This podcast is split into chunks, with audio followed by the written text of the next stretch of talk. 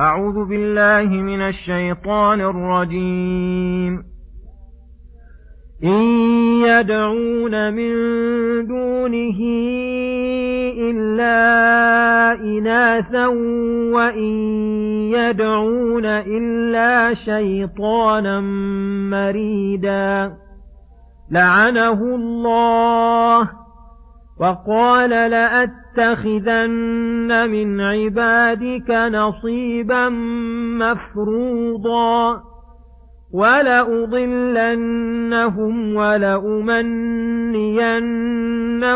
ولآمرنهم فليبتكن آذان الأنعام فليبتكن آذان الأنعام ولآمرنهم فليغيرن خلق الله ومن يتخذ الشيطان وليا من دون الله فقد خسر خسرانا مبينا يعدهم ويمنيهم وما يعدهم الشيطان إلا غرورا. أولئك مأواهم جهنم ولا يجدون عنها محيصا. بسم الله الرحمن الرحيم. السلام عليكم ورحمة الله وبركاته. يقول الله سبحانه إن يدعون من دونه إلا إناثا وإن يدعون إلا شيطانا مريدا. الآيات. أي ما يدعو هؤلاء المشركون من دون الله إلا إناثا أي أوثانا وأصناما مسميات بأسماء الإناث كالعزى ومناة ونحوهما.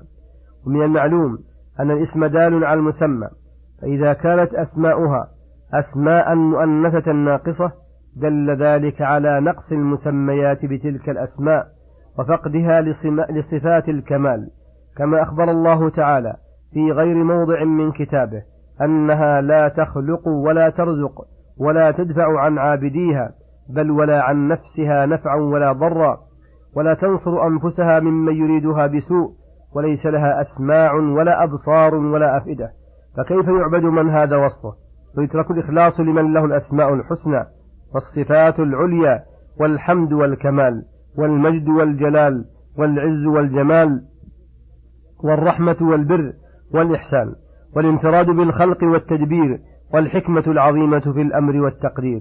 هل هذا إلا من أقبح القبيح الدال على نقص صاحبه وبلوغه من الخسة والدناءة أدنى ما يتصوره متصور أو يصفه واصف؟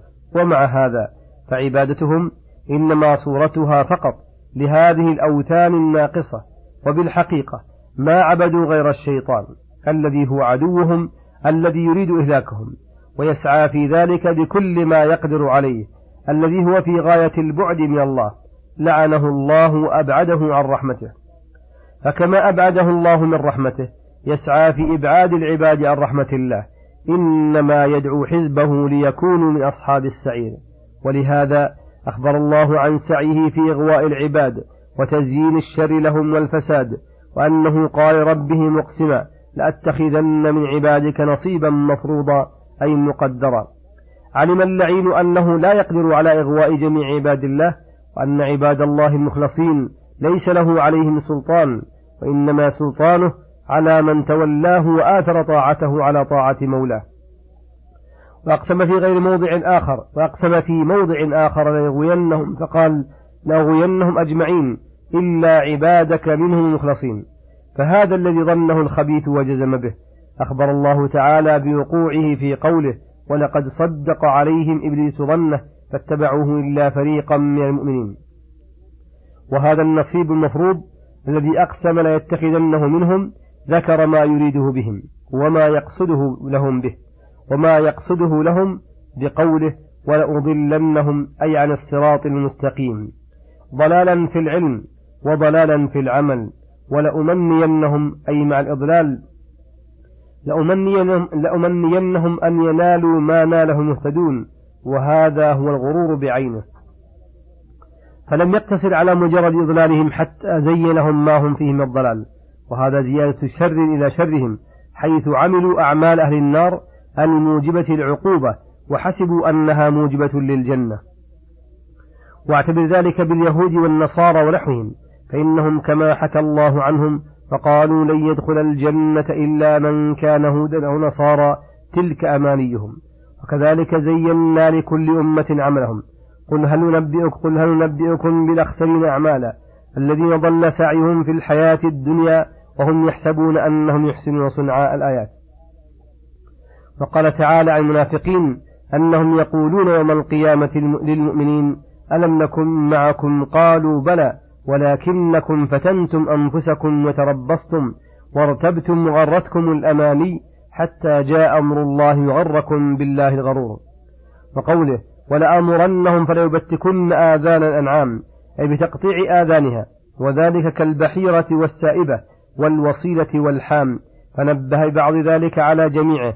وهذا نوع من إضلال يقتضي تحريم ما أحل الله أو تحليل ما حرم الله ويلتحق بذلك من الاعتقادات الفاسدة والأحكام الجائرة. ما هو من أكبر الإضلال ولآمرنهم فلا يغيرن خلق الله. وهذا يتناول الخلقة الظاهرة بالوشم والوشر والنمص والتفليج الحسن ونحو ذلك مما أغواهم به الشيطان فغيروا خلقة الرحمن. وذلك يتضمن تسخط من خلقته والقدح في حكمته واعتقاد أن ما يصنعونه بأيديهم أحسن من خلقة الرحمن وعدم الرضا بتقديره وتدبيره ويتناول أيضا تغيير الخلقة الباطنة. إن الله تعالى خلق عباده حنفاء مفطورين على قبول الحق وإيثاره.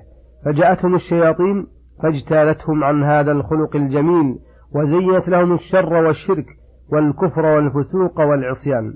فإن كل مولود يولد على الفطرة ولكن أبواه يهودانه أو ينصرانه أو يمجسانه ونحو ذلك مما يغيرون به ما فطر الله عليه العباد. من توحيده وحبه ومعرفته فافترستهم الشياطين في هذا الموضع افتراس السبع والذئاب الغنم المنفردة ولولا لطف الله وكرمه بعباده المخلصين لجرى عليهم ما جرى على هؤلاء المفتونين. فخسروا الدنيا والآخرة. ورجعوا بالخيبة والصفقة الخاسرة وهذا الذي جرى عليهم من توليهم عن ربهم وفاطرهم وتوليهم لعدوهم يريد لهم الشر من كل وجه ولهذا قال ومن يتخذ الشيطان وليا من دون الله فقد خسر خسرانا مبينا وأي خسار, وأي خسار أبين وأعظم ممن خسر دينه ودنياه وأوبقته معاصيه وخطاياه فحصله الشقاء الأبدي وفاته النعيم السرمدي كما أن من تولى مولاه وآثر رضاه ربح كل الربح وأفلح كل الفلاح وفاز بسعادة الدارين وأصبح قرير العين. اللهم فلا مانع لما أعطيت ولا معطي لما منعت. اللهم تولنا في من توليت وعافنا في من عافيت. ثم قال يعدهم ويمنيهم أي يعد الشيطان من يسعى في إضلالهم والوعد يشمل حتى الوعيد. كما قال تعالى الشيطان يعدكم الفقر. فإنهم فإنه يعدهم إذا أنفقوا في سبيل الله افتقروا ويخوفهم إذا جاهدوا بالقتل وغيره كما قال تعالى إنما ذلكم الشيطان يخوف أولياء الآية. ويخوفهم عند إيثار مرضات الله بكل ما يمكن وما لا يمكن مما يدخله في عقولهم حتى يكسلوا عن فعل الخير. وكذلك يمنيهم الأماني الباطلة يمنيهم الأماني الباطلة التي هي علم التحقيق كالسراب الذي لا حقيقة له. ولهذا قال وما يعد الشيطان إلا غرورا. أولئك مأواهم جهنم. أي من انقاد الشيطان وأعرض عن ربه وصار من أتباع إبليس وحزبه مستقرهم النار ولا يجدون عنها محيصا أي مخلصا ولا ملجأ. بل هم خالدون فيها أبد الآباد. وصلى الله وسلم على نبينا محمد وعلى آله وصحبه أجمعين. وإلى الحلقة القادمة غدا إن شاء الله. والسلام عليكم ورحمة الله وبركاته.